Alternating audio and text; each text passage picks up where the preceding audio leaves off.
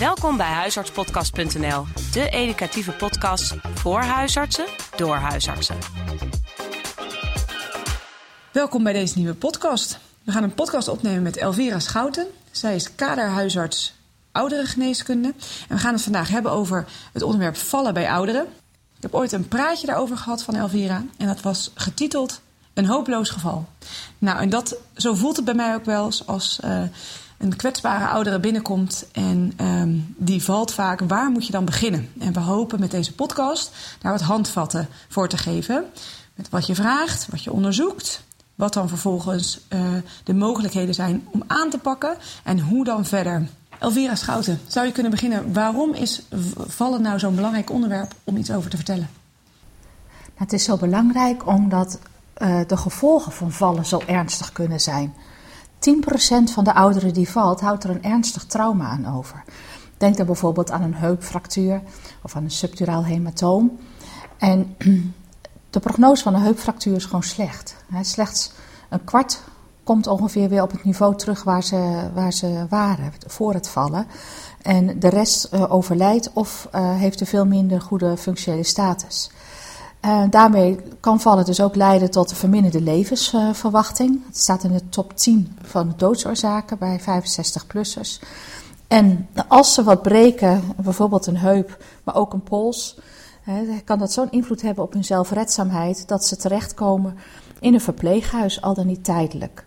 Dus daarom is, uh, zijn de gevolgen van vallen zodanig dat het belangrijk is om uh, te proberen om preventief te werken. Ook de psychosociale gevolgen kunnen enorm zijn. Als mensen gevallen zijn, en zeker als, uh, als ze daar dus letsel aan hebben overgehouden, treedt er vaak angst om te vallen op. En de angst om te vallen is juist ook weer een risicofactor om te vallen. Maar als ze bang zijn om te vallen, uh, hebben ze de neiging om niet meer uh, naar buiten te gaan. En daardoor loop je ook dus kans op vereenzaming. Nou, dus naast de, gewoon de medische gevolgen zijn er ook dus heel veel factoren op kwaliteit van leven en, en welzijn. En hoe komt het nou dat ouderen vaker vallen? Ja, dat is eigenlijk best een hele ingewikkelde vraag, omdat het een heel samenspel is van factoren. Je kunt het eigenlijk uh, in, in, drie grote groepen verdelen. Hè. Um, balans uh, wordt, wordt eigenlijk veroorzaakt door je visuele input, door je vestibulaire input en door, um, door de, de, verwerking van het zenuwstelsel. Als mensen ouder worden, zie je dat ze de visus verslechtert, de donkeradaptatie verslechtert, de perifere visus verslechtert en ook de contrastsensitiviteit verslechtert. Dus dat maakt dat je minder makkelijk die omhoogstaande stoeptegels ziet of die drempel of dat snoertje wat daar ligt. Daarnaast is ook je vestibulaire functie veel minder, waardoor je ook minder goed, bent om, uh, goed in staat bent om ook uh, te voelen hoe jij je verhoudt uh, in de ruimte. En daarnaast is het zo, als ze dan dreigen te gaan vallen, is er minder reactie. hun reactietijd is vertraagd, de vibratiezin is vertraagd, waardoor ook de proprioceptus verminderd is. Oprecht, oprichtreflex, dus je valt en je bent weer in staat om je lijf recht te krijgen. Die oprichtreflexen zijn ook, ook verminderd. En dat maakt dus hè, dat je makkelijker uit je balans komt. En als je dan eenmaal uh, uit je balans bent, hè, je ziet vaak dat ouderen natuurlijk wat inzakken, hè, waardoor hun uh, zwaartepunt eigenlijk anders komt te liggen. Als vrouwen osteoporose hebben, dat ze wat voorover gaan lopen, waardoor je veel, meer, veel makkelijker in de tuimelstand uh, komt te staan. En dan met het gebrek ook aan, of het verminderen van je oprichtreflexen, ben je gewoon niet goed in staat ook om je veranderde houding te corrigeren, mocht je eenmaal dus dreigen te gaan vallen. Oké, okay, dus je hebt het over visuele achteruitgang van het zenuwstelsel en vestibulair. En als je nou vraagt aan ouderen bijvoorbeeld hoe is hun zicht, hebben ze dat nou zelf door? Kunnen ze dat zelf beantwoorden? Nou, over het algemeen zeggen mensen dat hun zicht goed is. Maar als je kijkt, of als je rijbewijskeuringen doet, dan valt het heel vaak op dat mensen maar 60 of 70 procent zien. Terwijl ze het idee hebben van, oh, ik zie uitstekend. En dat komt door de geleidelijke achteruitgang. En zijn er nog andere dingen die achteruit gaan zonder dat ze het doorhebben? Nou, wat gebeurt ook als je ouder wordt, uh, is dat uh, naast dat er uh, mensen grijs haar en rimpels krijgen, gaan ook de spieren vervetten. Je krijgt dus verval van spierweefsel. En dat is eigenlijk een natuurlijk verouderingsverschijnsel. En ook bij gelijkblijvend gewicht vervet je eigenlijk. En uh, die verminderde spierkracht maakt ook dat mensen dus minder goed in staat zijn om een eventueel verandering van houding uh, op te vangen. En we noemen dat sarcopenie. En is er een manier om dat uh, te verminderen, dat proces? Ja, use it or lose it. Hè, zeggen de Engelsen. Dus het is ontzettend belangrijk dat ouderen in beweging blijven.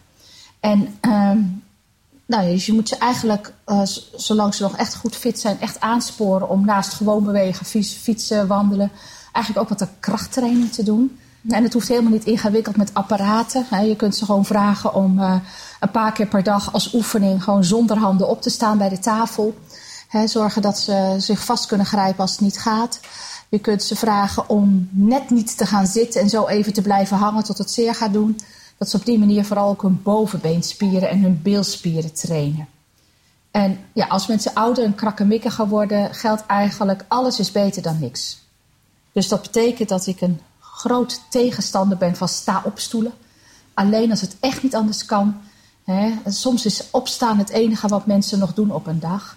Hè, dus um, daar zijn mensen echt van hun, van hun zelfredzaamheid afhankelijk zijn. Hè. Dus mensen bijvoorbeeld met Parkinson, mensen met zeven jaar maar anders niet uit gemakzucht oma een sta-opstoel geven voor de verjaardag. Um, en verder ook dingen als geen afstandsbediening. Uh, loop maar een paar keer naar de keuken om, uh, om je kopje koffie te halen in plaats van een thermoskan bij je neer te zetten. Schil je aardappels liever staand dan zittend.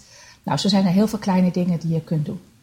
Ja, dat is wel interessant, want ik zou eerder zeggen met iemand die dus vaak en makkelijk valt en heel kwetsbaar oogt, je die juist van, nou zet maar op een stoel en we brengen het u allemaal wel. En inderdaad, die thermos kan, zodat u niet de naar de, um, naar de keuken hoeft met een warme kop koffie. Maar je zegt juist, wel, wel blijven doen. Wel naar die keuken gaan om uh, in beweging te blijven en het te blijven oefenen.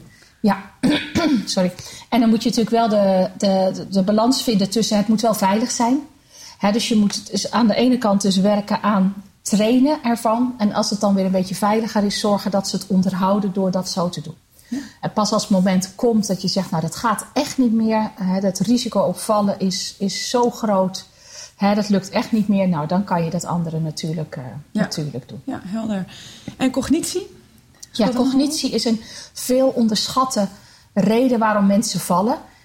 De reden waarom cognitie zo belangrijk is, is dat je moet inschatten hoe een situatie eruit ziet is het veilig om dit of dat te doen. Hè? Dus als mensen uh, cognitieve vermogens hebben, schatten ze situaties verkeerd in, overschatten ze zichzelf, waardoor de valkans ook toeneemt. En kunnen ze dat zelf goed inschatten? Nee, dat is ook iets wat vaak sluipend gaat. Uh, het ziektebesef, het ziekteinzicht is vaak heel laag. Uh, maar dit is wel iets wat we vaak, daar zullen we straks nog op komen, ook wat moet je doen aan onderzoek. Ja, je vindt heel vaak cognitieve stoornissen, soms zelfs als eerste uh, symptoom. Uh, dus vallen soms, soms het eerste symptoom van cognitieve stoornissen. Ja. Als uh, zo iemand binnenkomt um, en je gaat eerst als eerste anamnese doen, wat vraag je zo al? Nou, van belang is allereerst dat je te weten komt dat ze vallen. He, slechts 20% van de vallen is ons bekend. De reden daarvan is dat uh, mensen eigenlijk het belang niet zien van het vallen. En ook uh, in de, bij de wijkverpleegkundigen en dergelijke is het risico van vallen niet altijd bekend. Dus vaak zien we alleen die vallen die met schade gepaard gaan. Dus het is belangrijk dat je ook uh, je ouderen informeert, de wijkzorg informeert van als mensen vallen, laat het me alsjeblieft weten, hè, zodat je daar proactief mee aan de gang kunt. Nou, wat moet je dan zo vragen? Het is belangrijk om te weten hoe de mensen denken dat het komt dat ze gevallen zijn. En dat niet zozeer omdat dat dan de juiste reden hoeft te zijn, maar vooral ook omdat je dan een beetje een idee hebt van uh, wat mensen misschien gaan vermijden. Um, je, moet altijd navragen of mensen bang zijn geworden om te vallen. Want die angst om te vallen is iets wat, uh, waar je echt wel wat aan kunt doen en wat een belangrijke risicofactor is om opnieuw te vallen. En die angst om te vallen leidt ook tot, tot vermijding. Dus het is belangrijk om daar actief naar te vragen. Um, daarnaast gebruiken ze een hulpmiddel. Heel veel mensen zeggen: Ja, ik heb wel een rollator, maar die staat in de schuur. Um, dus het is wel belangrijk om daar ook naar te vragen. Hè? Ook om de acceptatie eventueel van een hulpmiddel uh, te onderzoeken. En natuurlijk ook vragen: Vindt u dat u goed ziet en heeft u geheugenklachten? vervolgens gaan we naar het lichamelijk onderzoek. Ja, wat ontzettend belangrijk is met lichamelijk onderzoek, is dat er orthostase gemeten wordt. Dat is iets wat veel, uh, veel tijd kost wel, maar het is iets wat absoluut niet overgeslagen mag worden. We spreken van orthostase als van liggende houding naar staan de systolische bloeddruk 20 mm kwik daalt of de diastolische bloeddruk 10 mm kwik. Dus het is belangrijk dat je mensen even laat liggen, bloeddruk meet, vervolgens uh, zittend meet en vervolgens staand meet naar 1 en naar 3 minuten. Dit kun je. Oh ja, dit was ook nog iets wat je eventueel de assistent ja, zou kunnen laten dit doen. Dit kun je eventueel ook uitbesteden, inderdaad, aan je praktijkondersteuner of assistenten. Ja. Daarnaast is het belangrijk om te kijken naar het hartritme. Bij een aantal mensen die vallen zul je merken dat er atrifibrilleren is die nog niet eerder ontdekt is. Dat kan uiteraard leiden tot duizeligheid en daardoor uh, vallen. Daarnaast belangrijk om te kijken zijn de soevels aan het hart, de carotes. Belangrijk om de visus en de cognitie um, te objectiveren. Dus dat betekent dat je uh, de visus moet testen en dat je een MMSE moet uh, uitvoeren. Dit kan je ook eventueel aan je praktijkondersteuner delegeren. En het is belangrijk dat je kijkt naar hoe lopen mensen en hoe bewegen ze zich.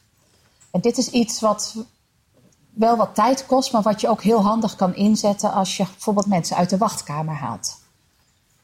Als je mensen uit de wachtkamer haalt en je weet dat ze voor vallen komen, kijk dan gelijk hoe ze opstaan. Eh, dus hebben ze hun handen nodig om op te staan? Hebben ze de hulp van de rest van de wachtkamer nodig om op te staan? Um, moeten ze een paar keer wippen voordat ze staan? En kijk dan vooral hoe ze uit de startblokken komen. Wat is hun loopsnelheid? Lopen ze een beetje wijdbeens? Um, hebben ze steun nodig van iemand anders om goed te lopen? er zijn al heel veel dingen die je eigenlijk kunt uh, um, vaststellen voordat je aan je lichamelijk onderzoek begonnen bent. Dus maak daar gebruik van.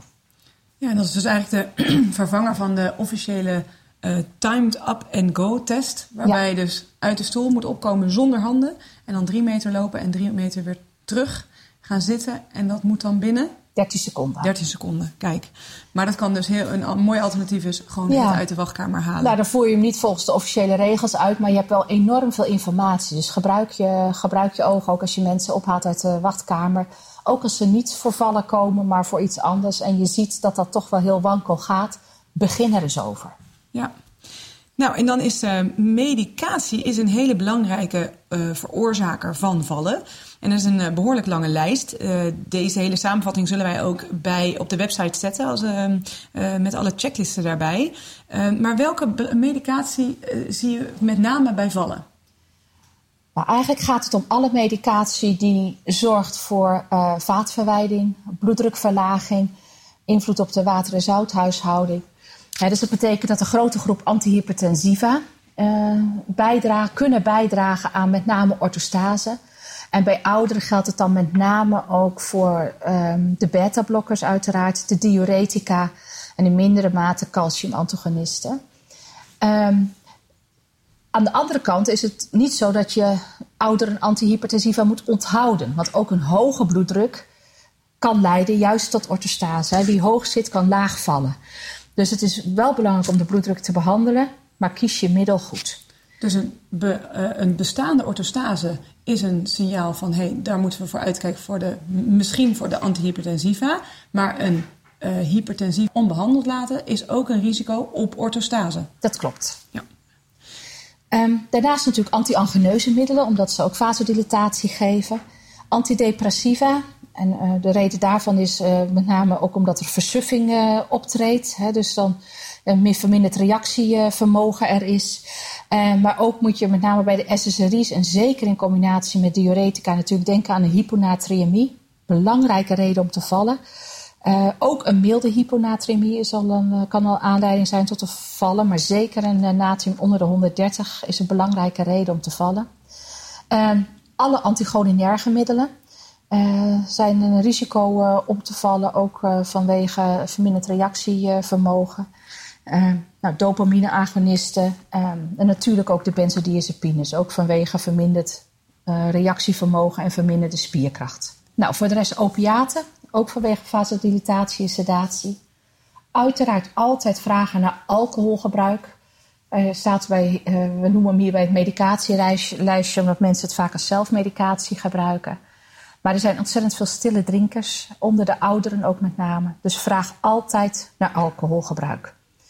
Um, en een ander ding wat nog wel eens vergeten wordt, uh, is als mensen glaucoom hebben en ze krijgen beta-blokker, uh, oogdruppels. Die kunnen ook zeker leiden tot orthostase. Die hebben dus niet alleen een lokaal effect, maar ook, kunnen ook een systemisch effect hebben. je had het zojuist over een uh, hyponatremie als belangrijke oorzaak. zou je überhaupt dus labonderzoek doen bij mensen die vallen? Absoluut, ja. Het is heel belangrijk om labonderzoek te doen. want wat je wil weten is of mensen Um, bijvoorbeeld niet te scherp zijn ingesteld vanwege hun diabetes. dat kan natuurlijk aanleiding geven tot, tot vallen. dat is ook een van de medicatie natuurlijk die kan bijdragen. met name de uh, sulfonylureum derivaten kunnen natuurlijk aanleiding geven tot, tot hypoglycemie. Die aanleiding kunnen geven tot vallen. Vandaar dat ook een aantal middelen zoals het ouderwetse glibenclamide en glimiperide liever geen middelen zijn die aan ouderen gegeven worden. Um, uh, dus je wilt lab doen zeker om te kijken um, of er dus geen ehm, diabetes is. Je wilt kijken of iemand niet te scherp is ingesteld. Je wilt kijken of er geen hyponatremie is. Waar je ook naar wilt kijken is hoe het gestaat met het vitamine D-gehalte. En of er bijvoorbeeld geen anemie is. Die kan leiden tot, tot duizeligheid en daarmee vallen. Nou, en dan hebben we alles uitgevraagd, we hebben het onderzocht, we hebben naar de medicatie gekeken. En um, dan gaan we. Hoe gaan we dan verder? Hoe evalueren we zo alles? En... Nou, waar je dus naar moet zoeken is van welke afwijkingen heb ik nu gevonden. En van die afwijkingen, je vindt natuurlijk allicht wat hè, bij een oudere, maar van die afwijkingen, ook uh, samen met het verhaal wat de oudere vertelt, uh, ga je gewoon kijken van, nou, wat is nou de meest waarschijnlijke oorzaak van het vallen? Zelden is er één oorzaak aanwezig. Hè. Vallen is heel multifactorieel bepaald. Maar één en één is drie. Uh, als je meerdere factoren hebt, het stijgt exponentieel je kans om te vallen. Dus kijk goed welke factoren vind ik en maak dan een prioriteitenlijstje van nou dat ga ik het eerst aanpakken en evalueer daar ook het effect van. En vervolgens gaan we, gaan we de problemen dus aanpakken. Gaan we aan valpreventie doen. Nou, er zijn ook heel veel verschillende mogelijkheden om daar, uh, om daar iets mee te doen. Nou, dus eerst, dat is dus afhankelijk van het prioriteitenlijstje. Um, maar we gaan even al die, uh, die stukjes gaan we door. Um, ergotherapie, wat kan dat bijdragen? Nou, een ergotherapeut kan heel goed bijdragen om te kijken uh, hoe valveilig iemands woning is. Um, alleen ergotherapie of alleen een los kleedje opruimen, alleen een snoertje verleggen, is, is niet dé oplossing, maar het kan wel bijdragen aan het geheel uh, van het verminderen van vallen. En zeker als mensen wankel op de been zijn, kan het wel degelijk zinvol zijn om her en der steunen te plaatsen. Of uh, in de badkamer bijvoorbeeld aanpassingen te doen, zodat mensen makkelijker van het toilet uh, komen. Mensen makkelijker uit bed komen. Of dat de route van bed naar badkamer veilig is. Als mensen s'nachts uh, bijvoorbeeld naar het toilet moeten. Want dat is ook nog wel eens een, een moment waarop mensen uh, makkelijk vallen. Dus uh, daar is de ergotherapie belangrijk voor. En de ergotherapie kan ook, zeker als er cognitieve stoornissen zijn, ook zeker behulpzaam zijn om te kijken van hoe kan ik die woning nu wat dementievriendelijker maken. En uh, daar dus ook een belangrijke bijdrage leveren aan, nou ja, veiliger wonen. Ja, oké. En fysiotherapie? Ja, fysiotherapie is met name belangrijk als je merkt dat mensen ook in die mobiliteitstesten wat afwijkingen hebben. Mijn advies zou zijn om altijd um, te verwijzen naar een geriatrisch fysiotherapeut, want die kijkt toch op een andere manier naar die ouderen, uh, heeft veel meer verstand van wat zijn de mogelijkheden en wat is er nodig dan een gewone fysiotherapeut. Dus verwijs altijd naar de geriatrisch fysiotherapeut. Heel veel geriatrische fysiotherapeuten bieden in hun praktijk ook cursussen aan uh, om met de valangst om te gaan. Uh, dus het is zeker zinvol om mensen daarvoor uh, te verwijzen om hun valangst te verminderen. En in die cursussen leren ze ook dat als ze vallen, hoe ze dan beter kunnen vallen om de kans op schade te verminderen. dus dat is zeker een zinvol, uh, zinvol iets. Nou, wat ik al zei, hè, heel veel mensen overschatten hun visus. Dus merk je bij het onderzoek dat een uh, visus beperkt is, stuur ze naar de opticien en zo nodig naar de oogarts om daar dus wat aan te doen.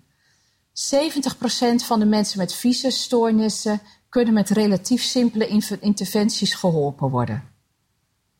Ze hoeven niet per se naar de oogarts. Als je een goede opticien hebt, kun je soms ook al een eind komen. Is er bijvoorbeeld toch staar of verdenking maculadegeneratie, dan is het natuurlijk wel zinvol om naar een oogarts te gaan. Oké, dus dat was uh, de verwijzing eventueel voor de visusproblemen. En uh, over de schoenen, het schoeisel. Ja, um, het is natuurlijk zo dat uh, er ook nog heel veel ouderen zijn die terecht zeggen van... nou, ik wil er nog wel een beetje leuk uitzien. Um, dus dat betekent dat, je, dat het soms um, nou ja, wel lastig voor ze is om schoeisel te dragen waar ze minder makkelijk uh, mee vallen. Um, op zich is het geldt hetzelfde als voor de ergotherapie. Alleen naar het schoeisel kijken heeft geen zin. Maar als mensen wankel op de been zijn, kun je ze wel adviseren om toch wat stevige schoenen te dragen. Met name als ze dus een stukje gaan lopen buiten, zodat ze goed ondersteund zijn. En in principe gewoon een goede schoenenzaak moet ze daarbij kunnen helpen. Merk je toch dat er bijvoorbeeld veel neuropathie is, dan kan het wel zeker zinvol zijn om ze naar een podotherapeut te sturen. Wat kan de podotherapeut dan nog um, bijdragen? Nou, die kan er zorgen dat ze in ieder geval uh, goed schoeisel dragen om hun neuropathie, uh, in ieder geval niet uh, zorgen dat ze geen wondjes krijgen door hun neuropathie en daar weer moeizamer lopen. Dus dat geldt met name voor degene met, met een neuropathie. Ja. En de heupbeschermer? Ja, vroeger, uh, daar krijg je nog wel eens vragen over. Vroeger was het uh, zo dat we nog wel eens die heupbeschermers gaven. Dat waren een soort, soort schalen die je dan uh, in, in een onderbroek deed om je heupkop te beschermen. Maar er is eigenlijk geen enkel bewijs voor en ze zijn ook ongelooflijk oncomfortabel. Dus ik merk aan je dat je daar niet helemaal nee, voorstander van bent. Zeker niet. En nou, we hadden het over de orthostase. Um, dat je dus de medicatie bijvoorbeeld zou moeten aanpassen. Kan je daar een voorbeeld van geven hoe dat dan werkt? Nou, je kunt je voorstellen als mensen uh, bijvoorbeeld uh, alleen vanwege hypertensie uh, een beta-blokker hebben, wat we vroeger altijd deden. Dat was of een, gaven of een plastablet of een beta-blokker. Nou, dan zijn mensen twintig jaar verder en hebben ze nog steeds die beta-blokker, terwijl ze wel orthostase gekregen hebben. Dan kan het zinvol zijn om die beta-blokker te vervangen door een ander medicament. Hè, en dan, um, nou, de, de, twee beste keuzes die je kunt doen is of een ACE-remmer. Daar kunnen mensen natuurlijk in het begin wel even last van hebben, maar als ze daar overheen zijn, dan is het klaar. Of eventueel een calcium-antagonist. in ieder geval liever dan een diureticum of een, um, of een beta-blokker. Dus het wisselen van een antihypertensivum kan uh, de orthostase uh, minderen? Absoluut. Uh, en dat geldt niet alleen voor de antihypertensiva. Uh, dat geldt uiteraard ook voor de, de anticholinerge middelen, die heel veel orthostase kunnen geven. Nou, welke middelen zijn dat dan? dan moet je denken aan de tricyclische antidepressiva, die uh, veel anticholinerge bijwerkingen hebben. Ehm, dat geldt natuurlijk ook voor de middelen die je geeft voor prikkelbare blaas. die, eh, die kunnen ook duidelijk eh, bijdragen aan, aan de orthostase. Maar ook uh, nou, pijnstillende medicatie, hè, dus wat uh, opiaten kunnen dat doen. Dus wees kritisch van het medicatiegebruik, hè, want er kleeft vaak heel veel medicatie aan je als je ouder wordt. En het is goed om daar heel kritisch naar te kijken, zeker als mensen vallen. En zijn er nog oefeningen om die orthostase te behandelen? Ja, die oefeningen die zijn er wel. Um, maar die, daar moet je wel een klein beetje nog wel motorisch vaardig voor zijn.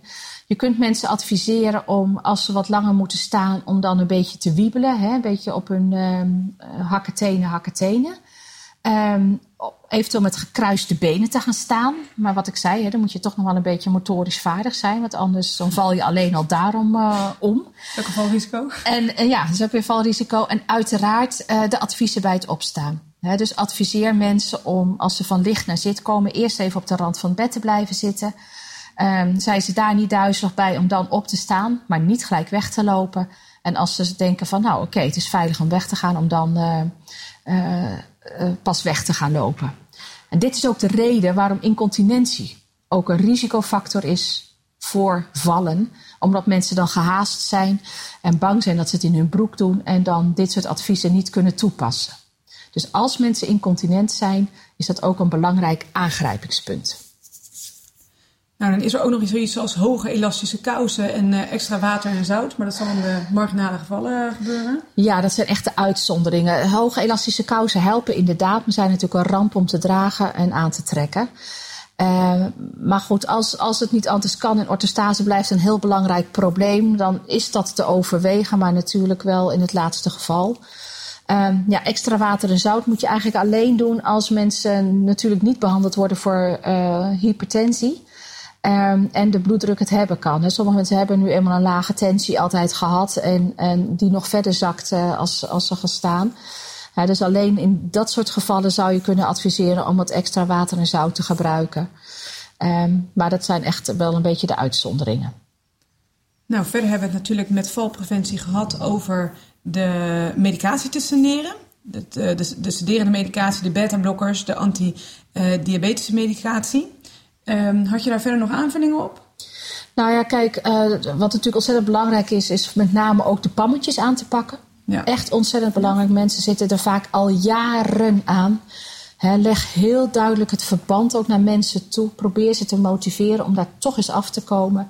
He, en dat kun je doen met een afbouwschema met behulp van de apotheek. He, dus dat je de equivalente dosis uh, uh, zoekt in de diazepam. Die kan je heel mooi langzaam afbouwen. Uh, dus dat is echt heel erg belangrijk. Um, nou ja, kijk of mensen dus ook um, wat ik toen straks zei, die anticholinerge middelen, hebben ze dat nog nodig voor de blaas? We noemden net de, incontinentie. Um, maar zeker als mensen een stressincontinentie hebben, is bek- en bodemfysiotherapie heel veel zinvoller dan een uh, middel om uh, die blaas rustig te houden. Tot op hoge leeftijd, als mensen maar trainbaar zijn, is bek- en bodemfysiotherapie iets van 80% effectief. Hè. Dus kijk of je in die hoek wat kunt. Nou, en daarnaast, ja, wees gewoon eigenlijk kritisch op alles wat niet hoeft. Hè, um, als mensen al heel lang een PPI gebruiken, kun je weer een laag magnesium van krijgen. Kan weer leiden tot spierkrampen, kan weer leiden tot vallen. Eigenlijk moet je over alles kritisch zijn. En zeker ook als het gaat om uh, wat we toen straks al noemden, die antidiabetica. Heel veel ouderen zijn gewoon echt veel te scherp ingesteld. Hè, wat risico uh, oplevert uh, voor, voor hypo's. He, dus wees daar ook kritisch over. Denk niet, hey, mooi, ik heb mijn streefwaarde behaald, hij zit onder de 53. Voor een oudere moeten die waarden echt omhoog. En het vitamine D, wat is de rol daarvan? Ja, er is, er is in de literatuur is er ontzettend veel uh, relatie aangetoond tussen de hoogte van je vitamine D en de kans om te vallen. Veel ouderen hebben een laag vitamine D. Dat heeft deels te maken met het feit dat we op een uh, hoge noorderbreedte wonen. Dus we maken in Nederland alleen vitamine D aan van ongeveer half april tot half oktober en alleen tussen 11 en 3. Je hebt minstens zonkracht 3 nodig op je huid uh, om vitamine D aan te kunnen maken. Die vitamine D die aangemaakt wordt, moet eerst nog bewerkt worden door lever en nieren voordat hij actief is.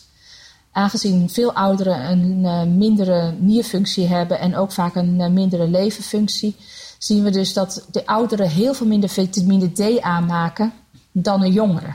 Zelfs als ze in hetzelfde zonnetje zitten. Um, naast de vermindering van de kans op een botbreuk is vitamine D ook heel erg belangrijk voor de spierfunctie. Er is aangetoond dat vitamine D gebrek echt leidt tot uh, veranderingen ook in een spierbiopt. Als je dat ziet, zijn er duidelijk minder uh, spiervezels. Dus een optimaal vitamine D is belangrijk in de preventie van vallen. Dus dat betekent dat je uh, vitamine bij de vallers zeker het vitamine D-gehalte moet uh, bepalen.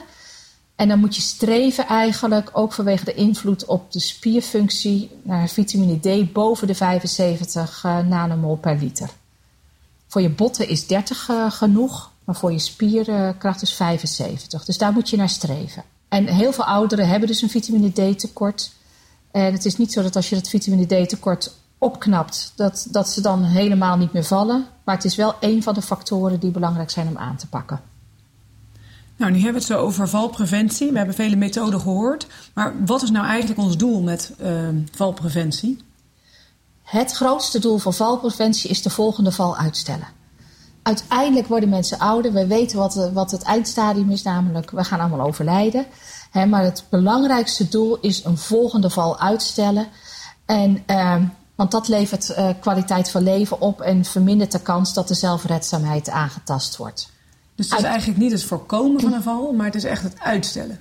Ja, nou, met het uitstellen voorkom je hem natuurlijk ook. Hè, maar uiteindelijk worden mensen gewoon krakkemikkiger en gaan ze weer opnieuw vallen. Ja. Hè, maar dan heb je in ieder geval de behandelbare oorzaken heb je aangepakt. En um, nou ja, dan heb je hopelijk inderdaad de volgende val uh, uitgesteld. Hè? En nou ja, dan hoop je dat ze niet aan een heupfractuur komen te overlijden, maar gewoon aan hun ouderdom. En dan komen we bij de verwijzingen naar de specialist. Wanneer is dat nou zinvol? Nou, dat hangt er een beetje vanaf. Hè. Dus als je gedaan hebt wat we besproken hebben, hè, dan vind je heel vaak wel een oorzaak. Maar het hangt er een beetje vanaf wat je gevonden hebt.